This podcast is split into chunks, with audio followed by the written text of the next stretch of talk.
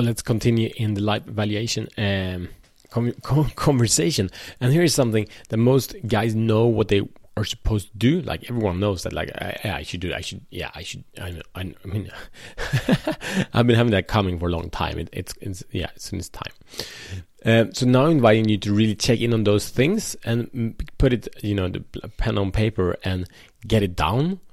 And uh, by checking in in that reality, by checking in the facts, that will have the power to unleash you.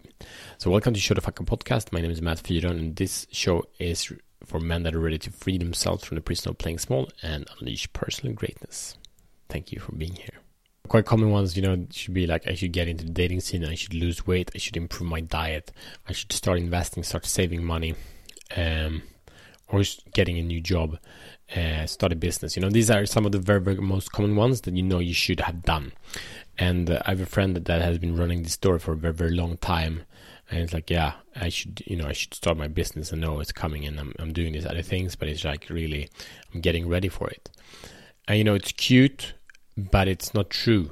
Uh, because we're never getting ready. We'll never wake up a day like this is the day this is gonna happen. I had a conversation with my mom speaking about weight loss the other day, and she's quite far from you. At least she's like in, her seventies uh, and a woman, obviously. However, her excuses are the same as most guys' excuses. So uh, her excuses to weight loss is like, yeah, but I want to find this perfect system that can be consistent with for the rest of my life. And when I've done that, I want to get on it. She's been running that store for five years. And I'm like, no, but that's not how it works. The, strategy, how it actually works, is that you you commit to the goal. You, you say, I'm going to do that, and then you find a way. And the f- first thing you find is definitely not going to be the thing that you're looking for. It you will it, that, that that will not be it. You know, it will be very clear that will not be the thing that you're looking for. But you get on because you're committed to the goal.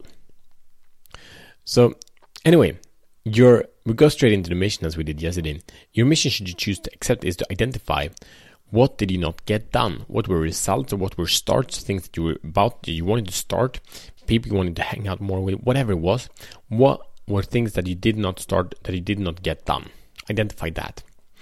And then after you identify that, identify what did you learn as a result? You know, what were your excuses? What were your very, very good reasons why you didn't do it? Um, it can be things that, you know, took longer time or whatever it is, you know. There are always good reasons, but what are they? and then finally, are they actually real?